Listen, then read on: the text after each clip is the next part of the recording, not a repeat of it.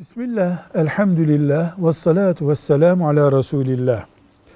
Müslüman insan elbise giyerken beş temel şeye dikkat etmeli.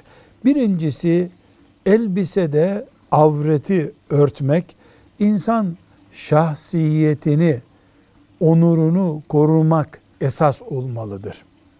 İkinci olarak da elbise ve insan kibir noktasında buluşmamalıdır. Yani insan elbisesini kibre alet etmemelidir.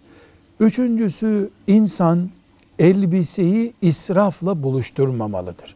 Kaliteli olabilir, güzel olabilir ama israf olmamalıdır. İsraf neye göre değişiyor?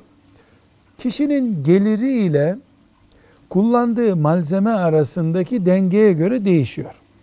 Asgari ücretle yaşayanın elbisesiyle serveti yerinde bir Müslümanın elbisesi aynı olmayabilir. Ve özellikle bir dördüncü maddemizde erkek erkek elbisesi, kadın kadın elbisesi giymelidir.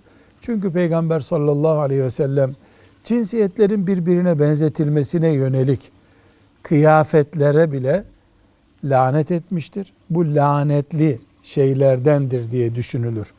Ve erkeklerin Müslüman erkeklerin ipek elbise giymesi haramdır. Bunun dışında temel bu ölçülerin dışında Allahu Teala erkeklere de, kadınlara da, çocuklara da, yaşlılara da elbiseyi bir zinet olarak göstermiştir, yaratmıştır. Nimettir, kullanılır. Velhamdülillahi Rabbil Alemin. you